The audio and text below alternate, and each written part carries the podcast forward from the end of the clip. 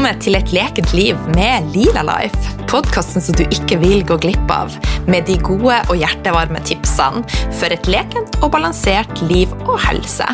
Nye temaer hver uke, og jeg har med meg spennende gjester, og noen ganger så er det kun meg. Og hvem er jeg? Jeg er Line Holdal. Jeg er ernæringsterapeut, yogalærer, veileder i eteriske oljer og mamma.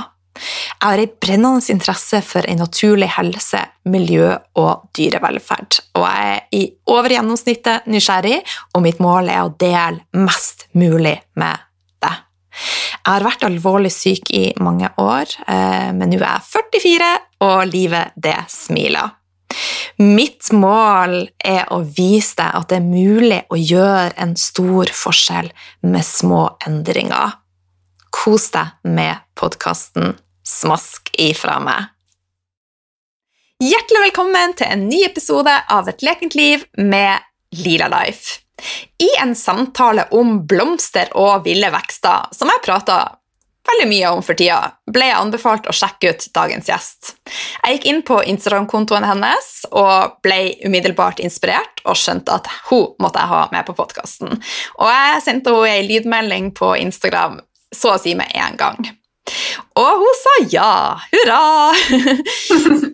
Dagens gjest, hun Marie Kristin Fagerli, kaller seg sjøl en sanker, nature soul og traveler. Hun er utdanna sykepleier, men jobber i dag som kunstner, har hjemmeskole for ungene og henger så mye hun kan i naturen. Der sanker hun blomster, bær og ville vekster. Så hjertelig velkommen til deg, Marie Kristin. En stor glede å ha deg med. Tusen takk for at jeg får være gjest. Som vanlig, før vi setter i gang samtalen, så vil jeg lese opp en tilbakemelding fra en av lytterne. Og tusen takk for fem stjerner fra ho takknemlig. Spennende er overskrifta. Elsker denne podkasten, lær, lærer så mye nytt og tror jeg snart har vært gjennom alle episodene. Tusen takk. Og så glemte jeg forrige uke, da leste jeg også opp ei tilbakemelding og eh, ei femstjerners tilbakemelding, men jeg glemte å si navnet, og den kom fra Ingvild ES, så tusen takk for den også. Men nå gleder jeg meg sinnssykt til å eh, hoppe inn i ukas eh, samtale. Så Marie, velkommen. Ja, tusen hjertelig takk. Du, hvordan starta du dagen din i dag? Mm, I dag I dag så våkner vi, vi våkner opp ute, faktisk. Vi sover ute. Um, enten i et sånn drivhus som mannen min har bygd, eller under åpen himmel. Så vi våkner opp ute. Um, og så starter jeg gjerne med å bare strekke kroppen og ta noen yogaøvelser, sånn å rett og slett få i gang blodsirkulasjon. Og så spiser vi frokost, og da er det veldig intuitivt. Ja. Det, går, det går mest i planter. Men ja. uh, man har liksom perioder der man kjenner at å, nå trenger bær, eller å, nå trenger uh, brød, eller å, nå trenger et eller annet. Så jeg har hatt en periode nå hvor jeg spiser nyplukka bær fra hagen eller fra skogen oppfor huset. Og så har jeg liksom nøtteri og litt sånn uh, vegansk vaniljeyoghurt og sånne type ting. Så um, ja, så juicer vi mye. Ah. Gulrøtter i en sånn her slow juicer så man liksom bevarer alle næringsstoffene det er jo kjempegodt. Jeg har akkurat bestilt meg en sånn. Jeg får den i morgen. Oh, fantastisk! Vi, vi, har brukt våre, vi har den faktisk med på reiser. Når vi er på lange reiser, så tar vi den med. Vi har den med campingvogner, vi har den med overalt. Det er faktisk noe som vi bruker nesten daglig. Ja. Og i perioder så bærer vi ut faktisk ei tilitersbøtte med sånn her pulp, sånn her på en måte det som blir igjen når du er i USA, og har det i komposten. Åh. Så har vi jus til hele familien hele dagen. Det er Fantastisk. Ja, det er det. Men du, du sier at dere overnatter ute. Gjør dere ja. alle sammen det, da? Tre av fire. Ja. Ja, Storesøster vil helst være inne. Ja. Det hender at hun òg er ute, altså, men, men, eh, det er mest jeg og mannen min, altså en lisjmann. Ja. Så ja. hun er overlykkelig for at hun får huset for seg selv, faktisk? hun, hun, hadde faktisk rigga seg til ei storsenga en stund, og så det veldig godt lekt med at hun kunne få den. Ja. ja. Ja. Men hva, hvorfor velger dere å sove ute? Hva det gir dere? Altså Bare det her å være i um, nær kontakt med elementene. Mm. Fin, altså med, Til og med når det kommer litt Vi ligger jo som regel under tak på verandaen. da, At man kjenner liksom det her fuktige som er av regnet, som pøser ned. um, ikke minst at man våkner opp etter det naturlige lyset. Jeg tror det gjør noe med rytmen i kroppen. Du blir på en måte så nær naturen som um, ja, på en dyp måte. Ja. Så det har gitt oss altså, mer energi. Um, ja, rett og slett en bedre hverdag, tør jeg å si. ja. Men legger dere dere også da når sola går ned? For det er jo Ikke alltid. jeg, er som, jeg er litt sånn natterangler. Jeg, altså, jeg kjenner jo da at når at jeg legger meg på en måte til rett tid, hermetegn, så er jo det det aller beste. Altså, men jeg, men jeg syns jo det er så godt å sitte oppe når alle sammen har lagt seg, og man bare ah, puster ut og kjenner på roa og ja. ja, lar dagen synke inn og gjøre seg klar for natta, egentlig. Så, så det hender seg at det blir etter uh, mørket har senka seg, ja. Jeg elsker òg det samme, men må bare, der måtte jeg bare resignere, for jeg har ei datter på 19 og en på 17 som aldri går og legger seg. sånn at jeg nei. har måttet jobbe med meg sjøl da. ja, nei, det, det, er noe med det. Jeg har, jeg har unger som begynner å bli store òg, og det, det, er en ting, det der. Ja. ja. Men du, dette er jo første gangen du er med på podkasten, og jeg har eh, så å si akkurat oppdaga deg. Jeg er bare veldig inspirert av Instagram-kontoen din. Men men vi har lyst til å bli bedre kjent med deg. Eh, mm. Alle som hører på, hører at du også er nordlending. Ja. men, men, vi er ikke fra helt samme plass. Men fortell oss litt om de reiser. Ja, jeg er nordlending. Jeg er født og oppvokst i Mosjøen på Helgeland. Uh, og Helgeland er jo fabelaktig majestetisk når det kommer til natur, så å vokse opp i de omgivelsene der, det, det tror jeg gir noe eget. Ja. Og jeg tror når man er født, ja, ja, uansett hvor man er født, men jeg kjenner at jeg var født på Helgeland, og, og hjertet mitt vil liksom alltid være der, sjøl nå har jeg flytta halve landet. Så, men ja, jeg er født og oppvokst der, og, og, under oppveksten så var dans den store lidenskapen min. Mm. Det, det, var Hadde livet tatt en annen retning, så var det nok danser jeg, jeg hadde blitt. Ja. Men det ble ikke det. Men i, alle fall så tilbrakte jeg mye tid i naturen. Og, og som sagt, Helgeland er jo så nydelig vakker, og det gir en ro eh, å gå i skogen og, og være på sjøen. Og jeg var ofte sammen med familien på hytta, og der var jo den fineste plassen på jorda. Så du var, var, tidlig interessert i det å være i naturen, og du kjente at det ga deg noe? Ja, Absolutt. Ja. Altså, når man er unge, så tenker man jo kanskje ikke sånn altså Man kjenner jo bare en velvære, og man tenker at å, jeg vil sprenge i skogen, jeg vil ta med skoene, jeg vil liksom mm. være i naturen, uten at man på en måte um, tenker så mye over det. Ja. Men, men, ja, det vil jeg absolutt si. Og uh, jeg var jo òg veldig glad i å tegne når jeg var lita. Men det ble jo lagt bort da når jeg begynte å danse, for jeg har liksom på en måte alt hatt en sånn her kribling i kroppen. Jeg må, jeg må, på en måte lage noe, eller uttrykke meg kreativt på et vis. Mm. Så da, eh, da fant jeg jo igjen til kunsten og senere i alderen. I 2002, eller senere i voksen alder. Ja. Så i 2002 så, så traff jeg mannen min, Raymond. Og i 2006, det var et ganske innholdsrikt år, da gifta vi oss. Og samme året så ferdigstilte jeg sykepleierutdanninga. Og, og, så fikk vi eldstejenta vår. Og omtrent fire år etter det så kom minstemann. Ah. Da er de to ungene våre. Og da blir mamma er jo bare helt eh, Det er så stort at det fins jo ikke altså De som har vært mamma, de vet jo da at ord kan ikke beskrive hva det vil si å bli mamma. Nei, det er fint. Liksom, ja, det er fantastisk. Nå har man liksom to små liv, og, og jeg, skulle, jeg, har ansvaret for dem og skal gi dem det beste. Og, og, da skjønte vi jo etter hvert, spesielt kanskje etter at vi fikk ungene, at det her A4-livet var ikke det som vi trakte etter. Vi ønska å, å, gjøre noe annet. Og så endte det da med at vi kjøpte oss et hus sørpå. Og da bodde dere fortsatt i Mosjøen? Da bodde vi i Mosjøen, da bodde vi på landet, et nydelig hus ute på landet i Mosjøen. Og, og, vi hadde det bra, altså. men, men, av forskjellige grunner så flytta vi. Vi, vi hadde bl.a. begynt å hjemmeundervise eh, eldstedattera vår. Og da så vi jo da at miljøet for, for å hjemmeundervise var jo absolutt ikke av det største der oppe. Så da tenkte jeg ok, da, da er det en god grunn til å flytte sørover. Og så hadde vi òg faktisk majoriteten av omgangskretsen vår i sør. Mm. Og så er vi jo òg litt sånn her um, klimaflyktninger.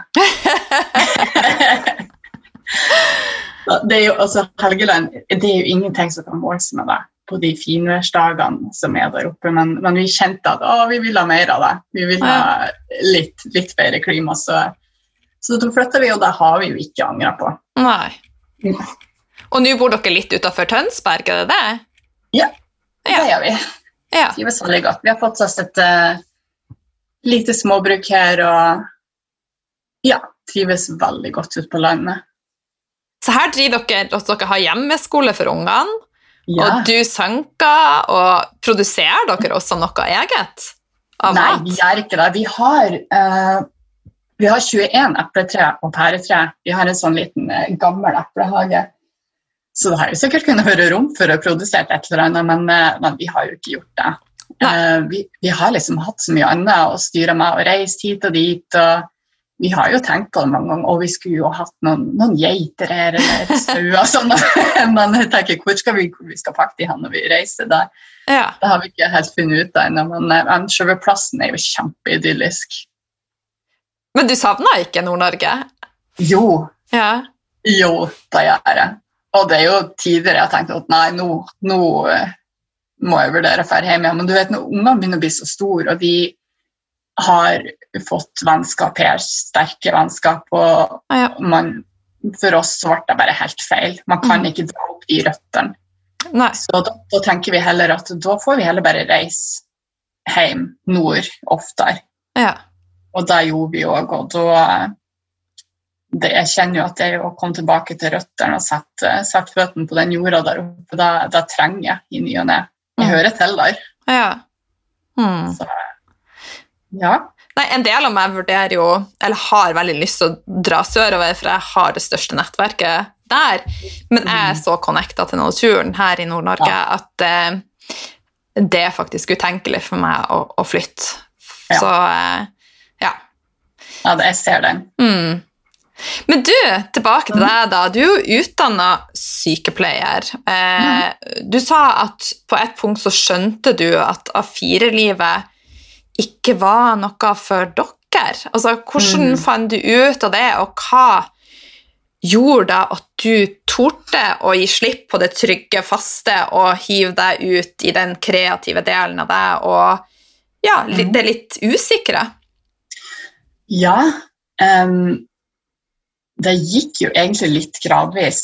Um, når eh, vi fikk uh, han minstemann, da, når han var seks måneder, så, så um, tok vi en litt lengre reise på tre måneder til Kanariøyene. Det var vår første litt lengre reise. Um, og da bodde vi blant lokalbefolkninga der og liksom deltok i hverdagslivet deres. Fikk se hvordan de gjorde ting, og, og det ga bare sånn mersmak. Og det var òg det samme året hvor storesøstera skulle begynne i første klasse, og vi bestemte oss for at nei, vi prøver et år med hjemmeskole, og så ser vi hvor det går. Mm. Um, så det var egentlig den her lille starten, da. Men så har det jo egentlig bare utvikla seg, for det at uh, jeg har jo blitt både ett år og to år og tre år, og ja Nå skal hun begynne i Nå går hun i niende. Ja. Ja. Og dere Så, har fortsatt hjemmeskole? Og vi har fortsatt hjemmeskole. Ja. Så det har liksom blitt en, en livsstil. Og eh, det er litt sånn, tror jeg, når at man tør å ta ett valg, så Mm. er det ikke så kjempeskummelt å ta det neste. Så det var jo egentlig um, Den prosessen, den uh, Ja, det var, det var Jeg må jo si det handler òg om å ta valg. Det er jo ikke sånn at man og man er så heldig for at man, man har muligheten til ta, å ha hjemmeskole med ungene, eller at man har muligheten til å reise. Man har jo faktisk tatt valg, og det har jo vi jo gjort. Um, store valg som, som egentlig F.eks. mannen min har sagt opp faste jobber, og uten å egentlig vite hva sånn helt eh, som kom til å bli utfallet av det. Når Ja. vi kom tilbake fra reise, og vi har, ja, vi har flytta 110 mil hjemmefra fra kjernefamilie, fra den viktigste, nærmeste familien vår. Så og bare da at vi tar denne eh, viktige oppgaven som det er å, å heimeundervise uh, ungene våre sjøl. Men da tenker jeg at det underliggende med det må være at man har trua på at man klarer det. Mm. Og at man tar en dag eller ei uke eller ett år i gangen. Og, og ikke minst at man har lyst. At man har lyst til å på en måte prioritere bort noe for å få noe annet og bedre. Mm. Og da man ikke nødvendigvis ser utfallet 100 klart. Og, men for vår del så har de i veldig stor grad um, altså Det livet vi har fått, har vært verdt de risikable valgene, om man kan si det sånn. Ja, For dere har frihet, og altså, dere er jo stort sett helt fri? Er dere ikke det? Ja, i, i, i utgangspunktet så er vi jo det. Ja. Altså, det, det handler jo egentlig om altså, Man må ikke ha et stort hus. Altså, man må, må, ikke ha ditt og datt som man egentlig tenker at å ja, det må man jo ha. Sånn at, eh, men rent økonomisk så har vi jo tenkt alltid gjenbruk. Um, ja, og på en måte prioritert bort um, ting som andre kanskje syns er greit å ha. Som for eksempel? Som for eksempel eh, nytt utstyr til ungene, eller kanskje man har lyst til å gå inn på Hens og Maurits og liksom bestille seg en pakke med klær. Så har vi vært å tenke oss om en ekstra gang før vi gjør det. Mm. Det er ikke sånn å si at vi aldri har gjort det, men, men vi legger oss på en måte på den linja at vi tenker at um, Nei, vi, vi, trenger ikke det. Mm. Vi behøver ikke det. Og da har vi òg uh, midler til overs, som vi har brukt veldig mye på reise, da, for det er jo det som står vårt hjerte nærmest. Mm. Og um, i forhold til prosessen i livet vårt, så har jo kosthold vært en stor del. Når jeg gikk gravid med både um, eldstejenta og um, yngstegutten vår, så hadde jeg hyperemesis eh, gravitarium. Og hva er det? Det, det er såkalt ekstrem svangerskapskvalme. Oi. Og da, da var jeg innlagt eh, på sykehus for å få intravenøs næring. Og jeg lå stort sett bare i syv måneder og måtte bæres på toalettet og kunne knapt si noe. og ja, Var egentlig bare i en, en slags døs da, og ble veldig veldig utslitt. Og, og i tillegg, da når vi flytta til Risør, når minstemann var ett år, så ble det bitt av flått. Og da viste det seg at den flåtten var bærer av borreliose. Mm. Så da ble det egentlig bare gradvis dårligere og dårligere. og F.eks. når jeg hadde tatt en dusj, så måtte jeg bare sitte i sofaen og, og bare chille lenge. Og, og da, da, begynte jeg å tenke at nei, jeg, jeg, har lyst til å bli bedre, men jeg har ikke lyst til å på en måte tilføre kroppen gift eller, eller ja, jeg har lyst til å gjøre det på en naturlig måte. Så da gjorde jeg litt research, og så fant jeg en tinktur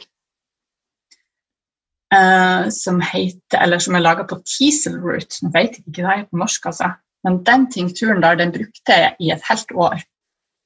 Og i begynnelsen så var det ganske heftig, for at du merker at den gjør det, der den, den drar um, på en måte sykdommen ut i blodet ditt, altså ut av kroppen. Mm. Så det er en ganske heftig prosess i begynnelsen. Men da, etter ett år, når jeg var ferdig med den tinkturen, um, så ble det bedre, og så ble det helt bra, og nå er symptomene helt borte.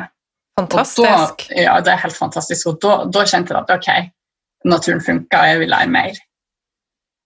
Så da begynte vi å juice, og da begynte vi å spise masse, masse planter og grønnsaker. og ja, bytta ut mel og sukker med sunnere alternativ og, og la om ganske drastisk. Um, men hele familien ble i bedre form, og, og ungene ble så fornøyd, og vi hadde masse mer energi. Mm. Så det var der egentlig det som lille, lille som starta den interessen. Spennende. Veldig. Ja, ja. Vi må ta og For jeg bruker alltid å lage et eh, innlegg, blogginnlegg om hver episode. Og der mm. kan vi ta og skrive navnet på denne uh, tinkturen. Mm. Tink, hvordan sier du det? Tinktur? Tinktur, ja. Tinktur. Og så finner vi det norske navnet på denne. Er det en blomst eller urt, eller Det er en urt. Om det er blomster eller jeg lurer på om det er rot, men det kan jeg finne ut av. Ja, vi skal finne ut ja. av det. Så, men det er jo fantastisk. Ja, det ja. er det. Ja. Og så er du bare gradvis eh, friskere. Ja. Ja. Men man kjenner jo da at den fungerer på den måten at man blir dårligere først. Og det er jo kanskje det som er med, med endringer i kostholdet, at eh, ja, folk begynner å spise mer av salat, og kanskje de begynner å juse, og så kjenner de oi, nei, nå fikk jeg feber. Mm. Eller oi, nå fikk jeg skikkelig betennelse. altså. Det skulle jo bli bedre, og så, og så tenker de nei, det her var faktisk ikke noe for meg, for det, det funka ikke. Mm. Men det er jo rett og slett bare utgiftninger. Mm.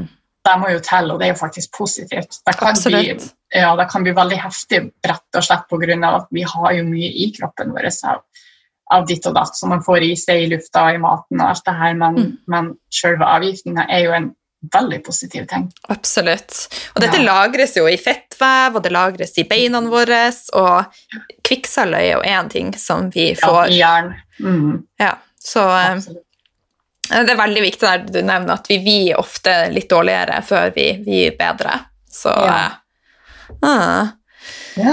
Men dere er jo, for veldig mange i dag, de presser seg jo inn i et A4-mønster, for vi er jo veldig programmert til at vi skal ha en vanlig jobb, og vi skal gifte oss, og vi skal helst ha to unger, vi skal gjøre sånn og sånn og sånn, og vi skal kjøpe sånn og sånn, og vi skal se ut sånn og sånn. Så Ja.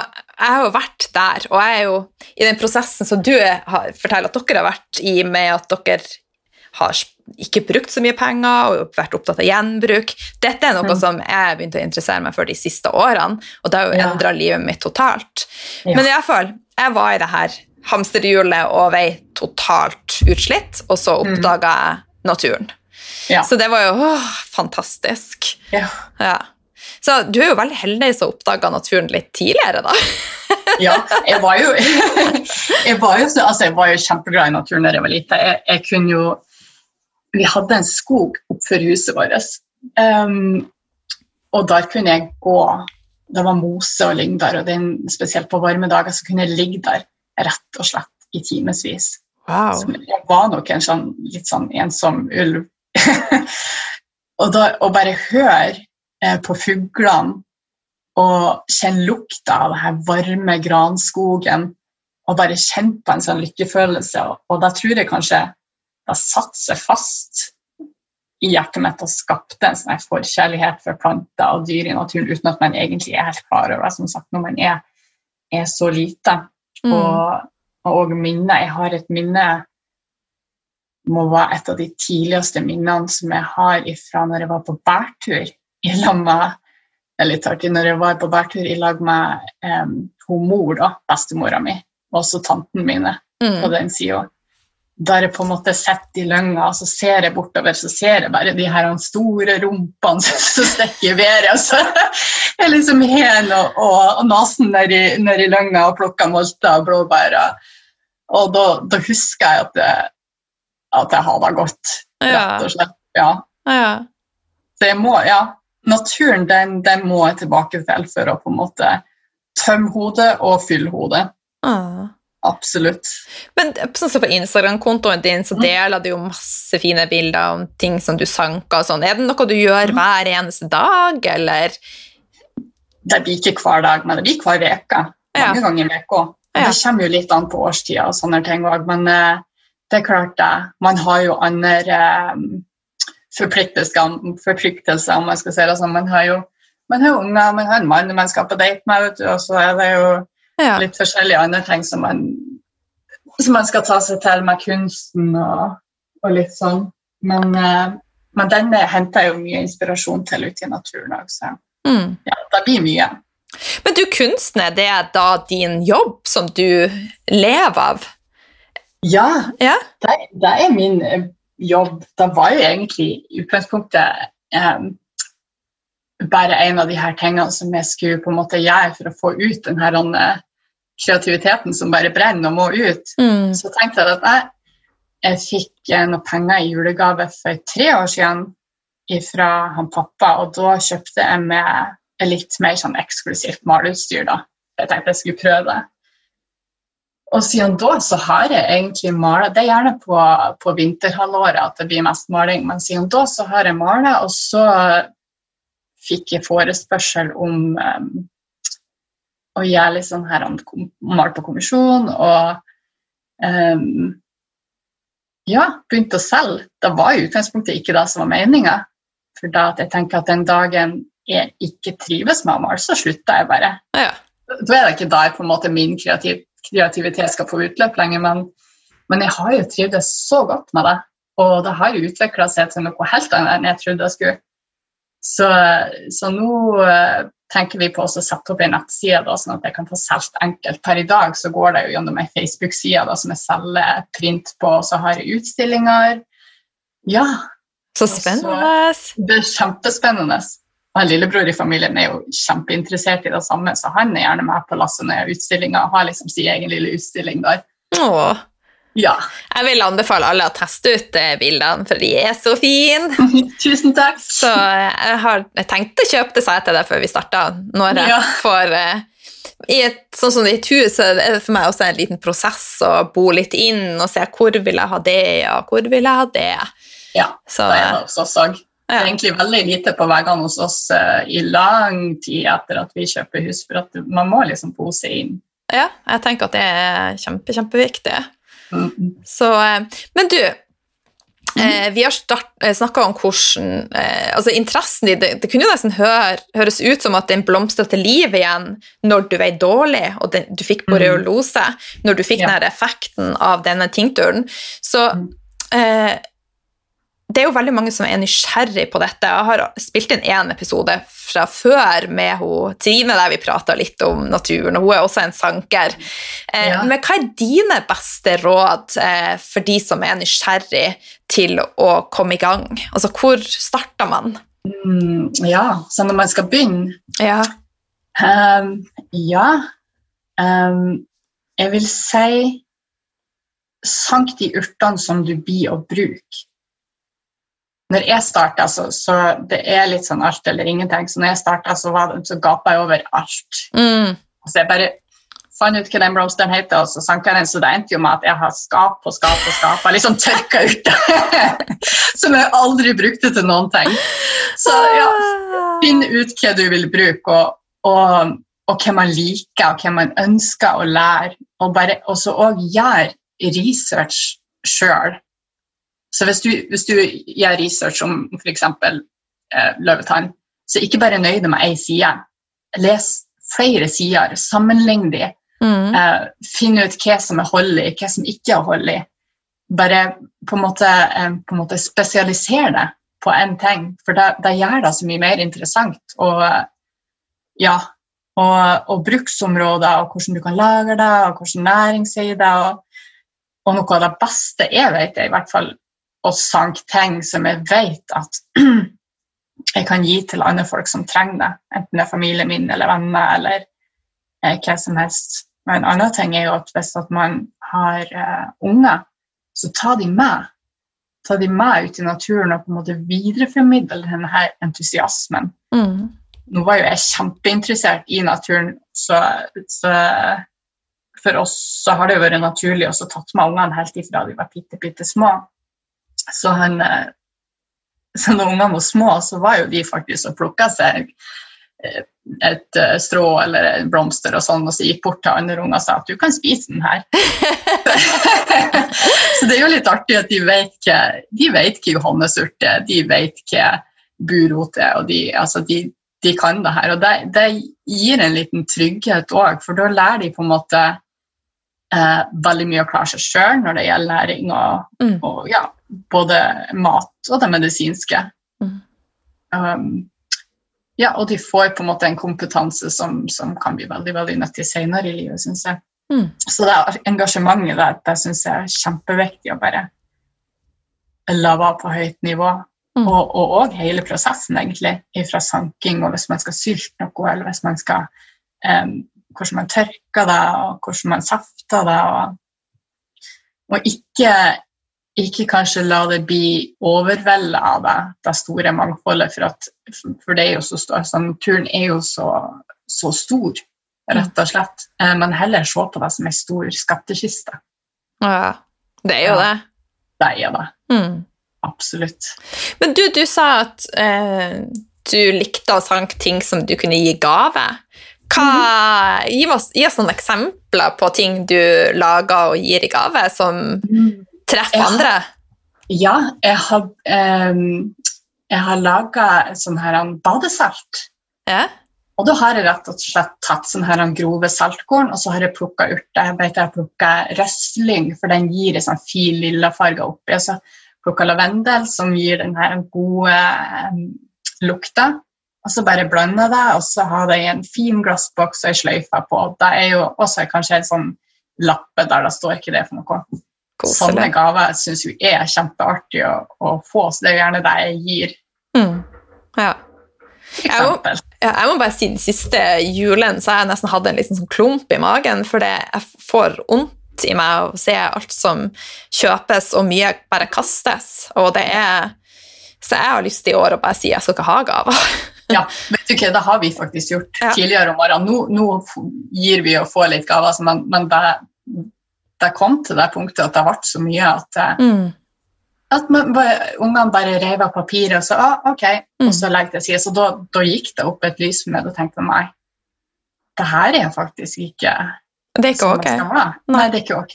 Og til og med i bursdager så har jeg skrevet på invitasjoner eh, gave er ikke viktig, gjerne noe brukt, noe Ja. ungene ikke skal ha mer, og gjenbruk er supert. Så helt, eh, helt ok å ikke på en måte var med på det her om eh, eh, Hysteriet. Ja, hysteriet, rett og slett. Men så Ja. tror jeg det blir en sånn ond sirkel at man bare Ja, når alle andre kjøper, så må vi også Mm. gjøre det. Og så ja, vi kan ikke feire en bursdag uten å gi noe, for det er jo flaut. Og, så jeg Mm. tror vi har så mye igjen programmering og forventninger og ja. Det er derfor det er så viktig å sette lys på det, Mm. tror jeg. ja, det er kjempeviktig. man, det, det er helt greit, liksom. Og så hvis noen tenker sånn, så kanskje andre tenker at å, Mm. det var jo faktisk veldig lurt. Mm. Og det gir ungene så mye bedre verdier. Og, Absolutt. Ja. mm. Men du, eh, vi er jo kommet til eh, 10. august. Eh, episoden den kommer ut om noen dager. Eh, Ja. Og jeg kjenner jo allerede nå at det er litt sånn høst Det er sommer, jeg vet det. Jeg, jeg Ja. var så uheldig å si at vi nærmer oss høsten, og det var noen som bare 'Line, vi er fortsatt sommer'. Men jeg, jeg merka en endring. Det er litt sånn kaldere i lufta, syns jeg. Her, og- i lufta. Ja. ja.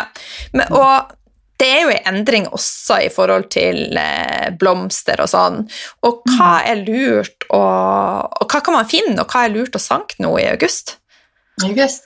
Um, Sisselrot er veldig fin. Den kan du faktisk sanke hele vinteren, men, men jeg bruker å sanke den på høsten. og Du finner den, du må gjerne vaske litt i snøen for å finne den på vinteren, men sisselrot er jo eh, en liten bregne med sånn små, svarte frø under. Hvis, du- hvis du på en måte graver litt, gjerne mosen vekst, hvis du graver litt ned i mosen og så får opp rota, Mm. eh, ta bort litt jord og så smaker på den, så er det en veldig intens, eh, søt smak på den. Mm. Litt sånn lakrissmak på den. Så den er kjempefin også å høste inn nå. Du kan um, Det går an å lage tinktur av den, men du kan også bare tørke den hvis du skjærer den i biter, og så tørker du den. Så kan du bruke den som te uh, på vinteren. Den er veldig god hvis du blir forkjørt på vinteren. Mm. Og òg uh, selvfølgelig sopp og bær og sånn som vokser nå, men òg uh, en plante som er høsta egentlig hele sommeren, men òg nå, er ryllik. Ja. Den finner man jo Den er jo kjempevanlig i hele Norge, og den finner man jo på plenen og i skogen og egentlig overalt. Den her hvite med mange sånn blomster oppå. Og den er jo veldig eh, god for damene, for da at den eh, regulerer menstruasjonssyklusen. ja. Så Jeg liker sånn, jeg liker Ja. sånn kvinneurter. Ja. Ja. Og hvordan bruker du denne rylliken sjøl, da? Den rylliken bruker jeg som te. Ok. Gjerne eh, hvis man har spist feit mat, så føler man seg litt sånn tung etterpå. Men hvis man drikker eh, ryllikte, så, så får man ikke den her tunge følelsen. ok. Den er super. Og hvordan lager du denne teen, da? Bare sånn Ja, da, da tar jeg, altså Når jeg plukker ryllik, så kan du kan enten henge det opp på en luftig plass, hele, hele på en måte planten, og så eh, bryter du den i eh, stykker eller klipper den opp når den er blitt tørr, og så har du den bare på en, en eh, boks som er lufttett. Og da bruker du den rett og slett bare som vanlig te. Ok. Og eksempel i en sånn tre trekker, at du bare har det oppi, og så vann. Ja. Å, jeg skal ut og plukke ryllik. Mm. det er så ekkelt, vet du. Ja, det er jo eh, så eh, fantastisk. Jeg er jo veldig forelska i eterisk olje, og der har jeg vært veldig lenge, men nå kan eh, supplemere Gud, i dag, Suppler. I dag har jeg skikkelig krøll på supplemer. Søstera mi hun er lærer, hun hadde kommet til å få det Ja, spasmer av å ha hørt på meg. ja. Så, men suppler med. Dette er jo bare så fantastisk, så jeg, jeg gleder meg. Og så skal jeg ut og Mm. plukke bringebær i dag. Jeg fant et eh, hav av bringebær her i Bodø. som jeg, Det er ingen som kunne ha sett det, for det var så masse. Og det er jo gull. Det er så gull å finne sånne ting. Ja. Så det kribler. Ja. Ja. Men du, du har nevnt eh, ryllik, og så nevnte du eh, sis, kan det hete Sisrot? Sisselrot. Sisselrot. Mm. Ja. Hvilke andre favoritter har du nå om dagen? Eh, jeg er jo veldig glad i rødkløver. Og det er jo um, en urt som jeg følger med på fra våren, når de her nydelige rosa blomsterhodene skal, skal komme, sånn at jeg kan eh, begynne å høste inn. Og Det er, det er da blomsterhodene som man bruker. og De første som kommer på våren, det er de som er søtest. Da Mm. kan man på en måte dra, dra av de her og så spise de eller bruke de i salat. Og, uh, på høsten så er de ikke fullt så søte, men de går, de går an å bruke det òg. Og uh, de stoffene som er i blomstene og bladene, de har sånn østrogenlignende effekt. Det er, ikke, det er ikke på en måte de østrogenene som man finner i, i kroppen, det er noe som heter for fytoøstrogener. De er med på å balansere østrogennivået i kroppen, og det her er jo så fascinerende, syns jeg. Det er jo veldig eh, eh, bra for kvinner i dag å vite, som ofte har hormonbalansen eh, forstyrra. Mm. Og, eh, og de her fytoøstrogenene de har på en måte svakere eh, østrogeneffekt enn de østrogenene som produseres av kroppen. Men begge to binder seg til østrogenreseptorene i kroppen. Så om du har høy østrogenproduksjon, så kan fytoøstrogenene som er svakere, på en måte redusere den totale østrogeneffekten. Er ikke det fantastisk? Jo, det er fantastisk. Og de fleste Ja, da- damer som eh, ja, kommet de 30-35 oppover, har jo et forhøya østrogennivå. sånn at jeg tenker at denne kan være fin for å balansere. Ja, Ja. absolutt. Mm. Så, og den, jo, den har jo masse gode egenskaper, men det, jo, det, det var liksom den som, som dro med. Da. Men den er jo avslappende for musklene. Hvis du spiser den på våren, så gir den økt energi.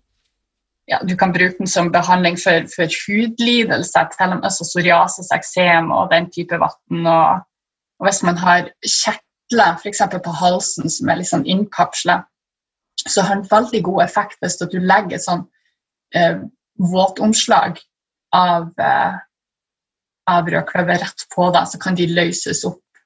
Oi. Så den, den er jo bare fantastisk, og den, eh, den er bra for luftveiene. Og den drikker man jo, altså man tørker den rett og slett bare i ovn, eller i Jeg har en sånn dehydrator som, jeg bruker, som går hele sommer og, og høst. Så kan man tørke det i da, og da har man egentlig te som man bruker um, ja, som vanlig te. Mm. Tenk Eller du, for eksem og psoriasis, hva, hvordan ville du brukt eh, rødkløver? Altså, jeg rødkløver så lenge den er fersk, så drikker jeg den i urtevann. Rett Mm. og slett. Da, da tar jeg den i Da legger jeg eh, i sånn her presskanne, og så fyller jeg på med kaldt vann. Og så setter jeg det i kjøleskapet dagen etterpå. Og da, så drikker jeg den gjennom dagen, og da fyller jeg på um, vann etter hvert som er drikker opp. da. Så spennende. Veldig. Og Så- den smaken er jo bare fantastisk. Så jeg kan gå ut nå og plukke dette og bare ha de rett og slett i ei presskanne og Ja. kaldt vann? Ja. Oh my god! Ja! Det er så enkelt. Det, det er liksom ikke noe hokus pokus. Det er bare altså det, Ja, det er rett og slett enkelt. Og det er så, så nyttig og virkningsfullt. Ja. Absolutt. Og, ja, men som, som med alle urter, da eh, når man finner en ting man har lyst til å gjøre, så, så vil jeg alltid anbefale å gjøre research. For da at man, eh, man på en måte må stå til ansvar sjøl for eventuelle eh, bivirkninger eller Mm. Ja. Jo hvis man plukker feilen og sånn, så det, det er Ja. superviktig.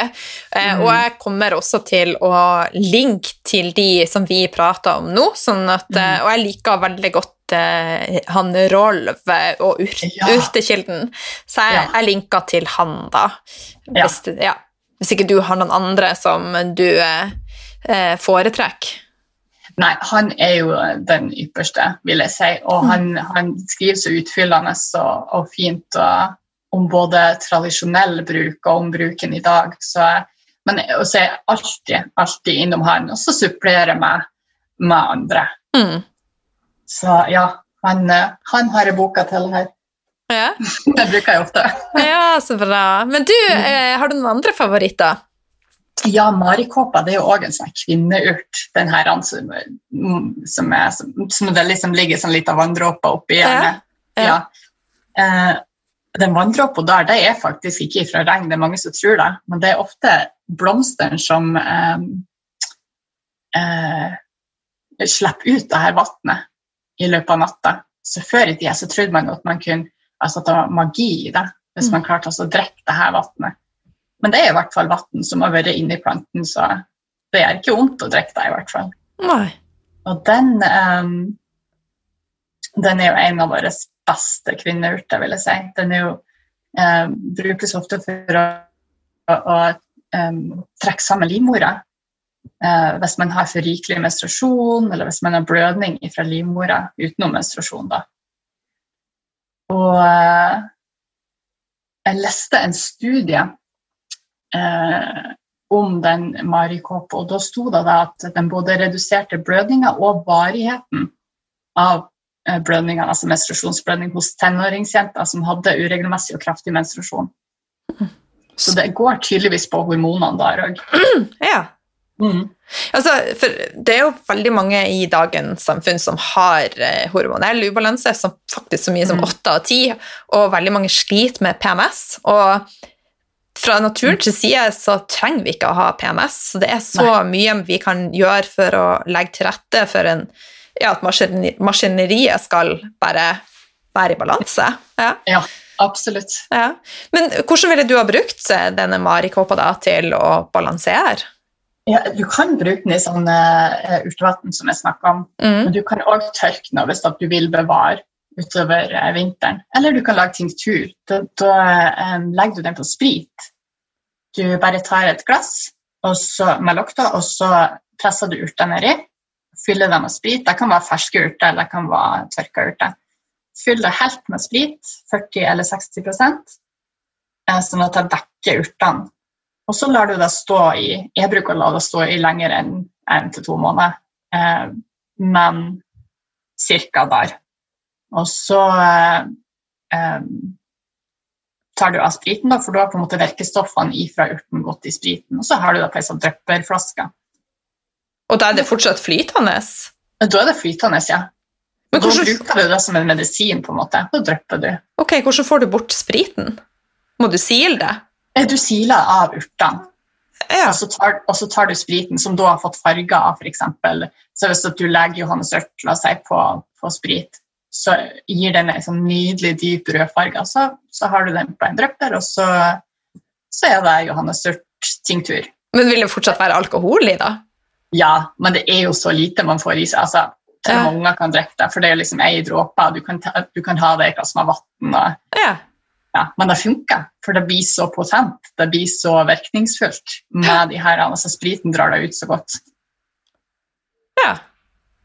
Nice. Jeg har brukt noen fra han Rolv, eh, og jeg syns jo det funka kjempe, kjempefint. Så Ja, det gjør det. Ja.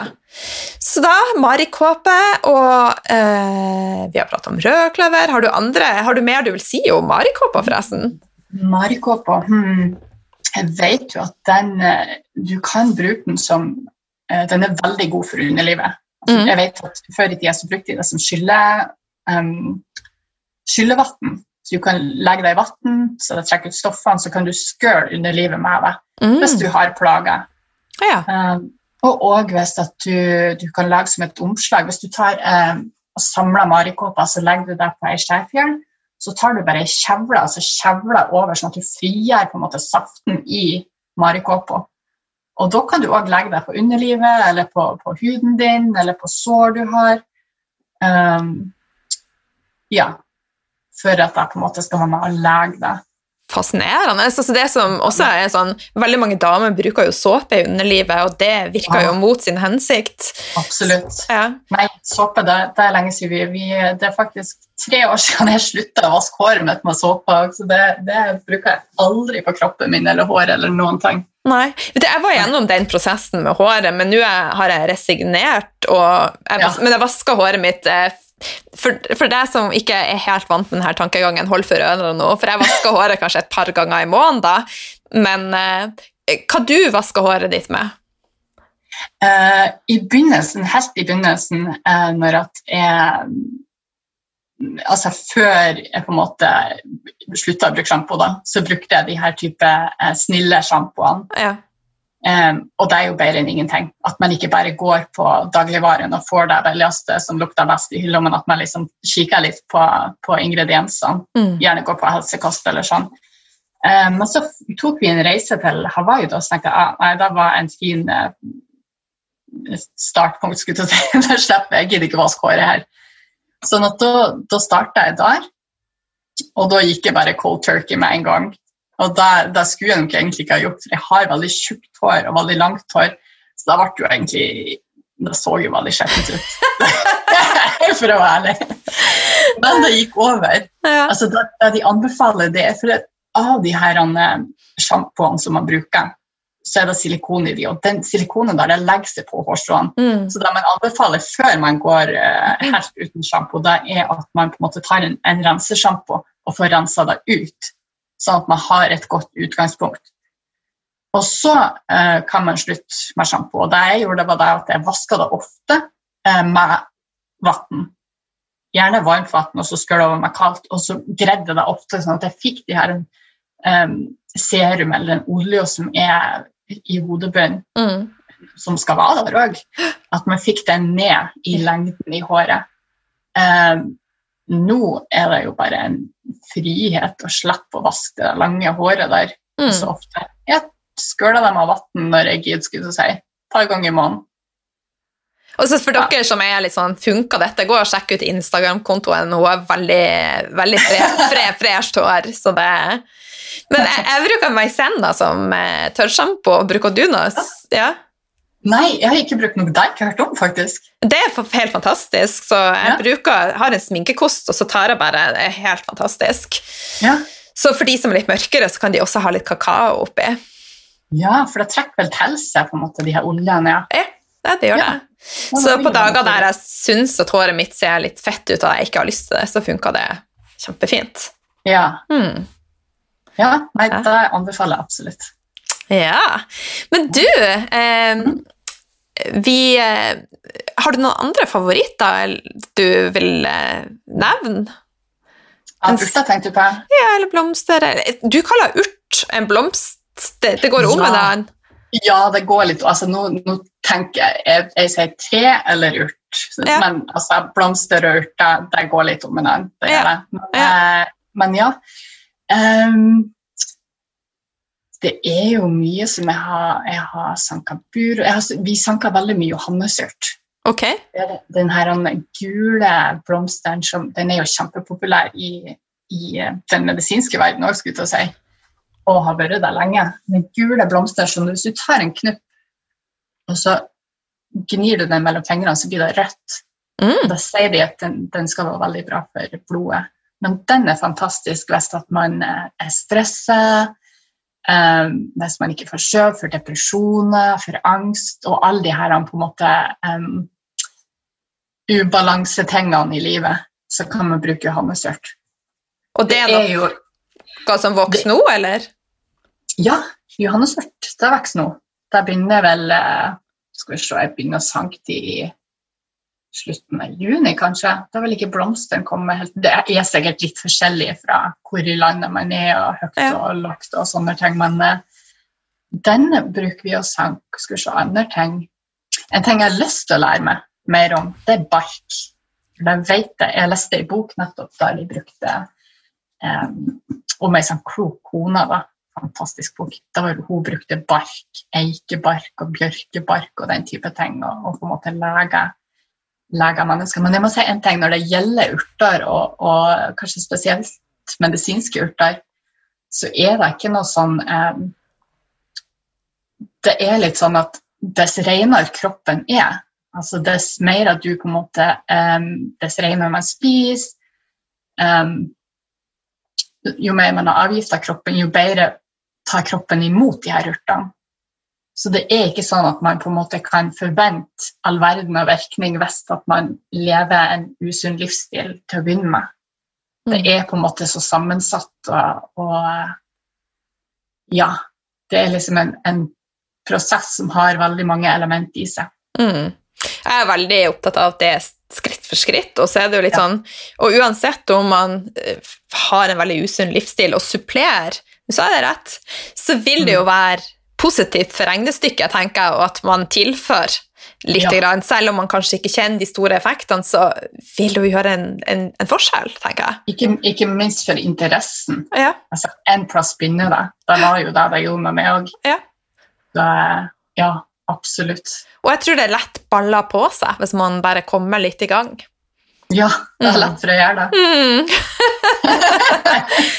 Men du, du nevnte den, den boka om bark. Har du andre bøker og nettsider du vil anbefale til eh, lytterne? Ja, du har jo en Rolf Ja. Hjelmstad. da. Han er jo eh, fantastisk. Og han har jo skrevet 'Medisinplanter i Norge', og, den, og du kan jo gå på nettet på rolf.no, er det vel, Ja. og bruke det. Boka er jo fantastisk. Jeg tror min den er så slitt og så skrevet i, og så bladd i at det er mulig må skaffe meg et nytt eksemplar, rett og slett. Men, men den er mye brukt. Eh, og så er det ei bok som heter 'Plukksell' av Trond Svengård, og den er veldig fin å begynne med. Han har jeg tenkt å Han er jo også fra Nord-Norge, han er fra Rognan. Ja, Så jeg tenkte faktisk at jeg skulle spørre han om han vil være med på podkasten. ja gjør det. Da skal jeg høre på. Den er, den er så fin, for at den, den eh, tar liksom det her basic um, Den er ikke så innvikla, og så går den etter årstid. Så er man kommet til høsten, så slipper man også å begynne på begynnelsen på våren. Da, da blar man til høsten, og så tar man begynnelsen når det blir vår.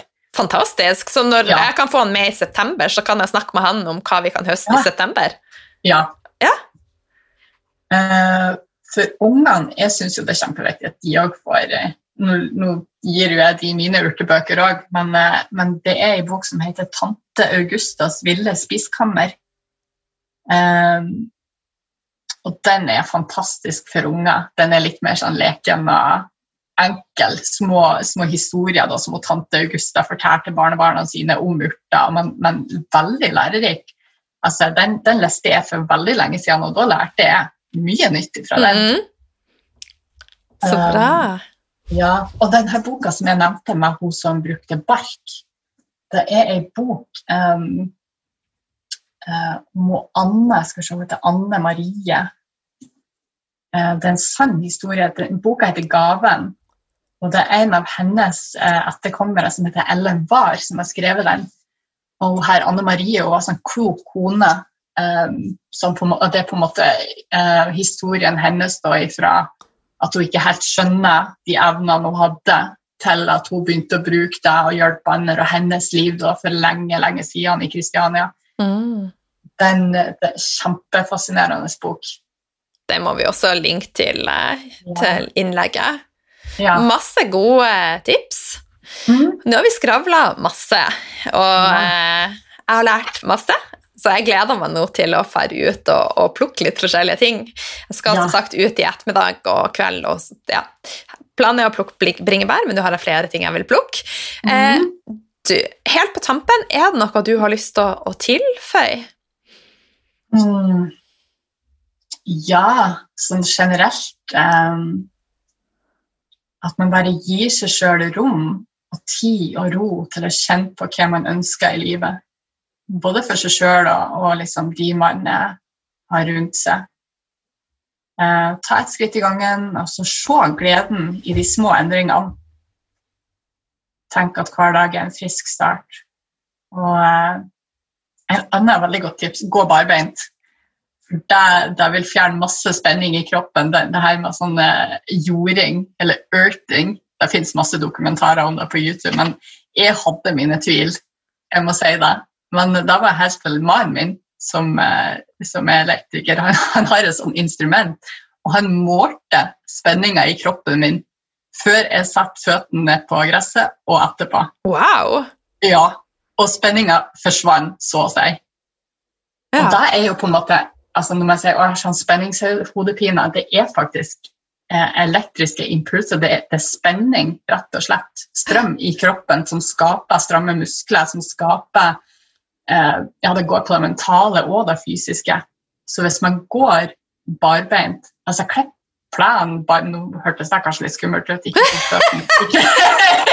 i gressklipperen, men også så mye som mulig sett føttene på jord eller på gress for at er en sånn velvære. Rett før vi starta, så jeg har planer rett utafor, så lagde jeg en kopp kaffe til dattera mi, og så gikk jeg sjøl og jorda meg på gresset. Ja, det er Mm. fantastisk, og det, det funker virkelig. Ja. ja, det er jo veldig fint. Ja, Ja. og ja, smil. Smil masse. Jeg har vondt i kje- jeg har vondt- jeg har vondt i Ja. kjeven etter denne samtalen her. Men, det er så, men smil, det er så godt. Ja. Det er fantastisk. Man Vi- kan ikke være sur når man smiler. Nei, og jeg tror generelt vi, vi smiler og flirer litt for lite. Alt er litt, litt for seriøst. Ja, Så eh, veldig godt tips, altså. Ja det det. Jeg, det, jeg vet at det booster det naturlige immunforsvaret vårt, så det er jo spesielt i den tida som vi er inne i nå, kjempeviktig. Absolutt. Smil og tenk positivt og glade tanker, og trekk Ja. pusten. Pust masse. Mm. Så ja, Nei, men og, le, og lev drømmen. Ja, det gjør jo virkelig dere, så det er veldig inspirerende. Utrolig inspirerende. Men du, et siste spørsmål før vi avslutter. Eh, Dattera di går nå på begynner å nærme seg videregående. Mm. Er hun fortsatt like positiv til hjemmeskole? Begynner hun å ønske å, oppleve noe annet? Hun, eh, videregående, det har hun jo planer for. Hun har jo, eh, men hun har lyst, eh, veldig lyst til å reise i år. Eh, så vi håper jo da at denne situasjonen med covid-19 og alt skal roe seg ned, og at eh, vi skal få lov til å reise fra nyåret. Så hun, hun er veldig glad i å surfe, hun er veldig glad i eh, det her litt sånn hippielivet, da. Så hun vil jo gjerne enten til Bali eller til Hawaii, eller så vil hun tilbake til Australia. Mm. Så det blir, det blir en av delene best at vi får lov til det. Så hun, hun tenker videregående, så tenker hun eventuelt at hun har lyst til å ta idrettsfag, rett og slett for at hun har lyst til Australia og bli livredder. Å, så Ja. kult! Ja, veldig kult. Det støtter vi fullt ut. Ja, så bra. Ja. Men du, det har vært veldig veldig hyggelig å skravle med deg. Eh, for de som har lyst til å sjekke deg mer ut, hvor kan de finne deg? Ja, nå um, på Instagram så heter jeg Marie Kristin Fagerli, og der på Instagram-kontoen min så er det vel linker til Art by Marie Kristin, som er liksom kontoen for kunsten min. Og så har jeg en, eh, hvis eh, man har lyst til å se kunsten på Facebook, så heter det Marie Kristin Fagerli Art der. Så blir det nettside etter hvert. Ja. Tusen hjertelig. Men da sier jeg takk, takk, og så plutselig så er du tilbake igjen på podkasten. ja, hvem vet. Tusen. Det var kjempekoselig. da. Så bra.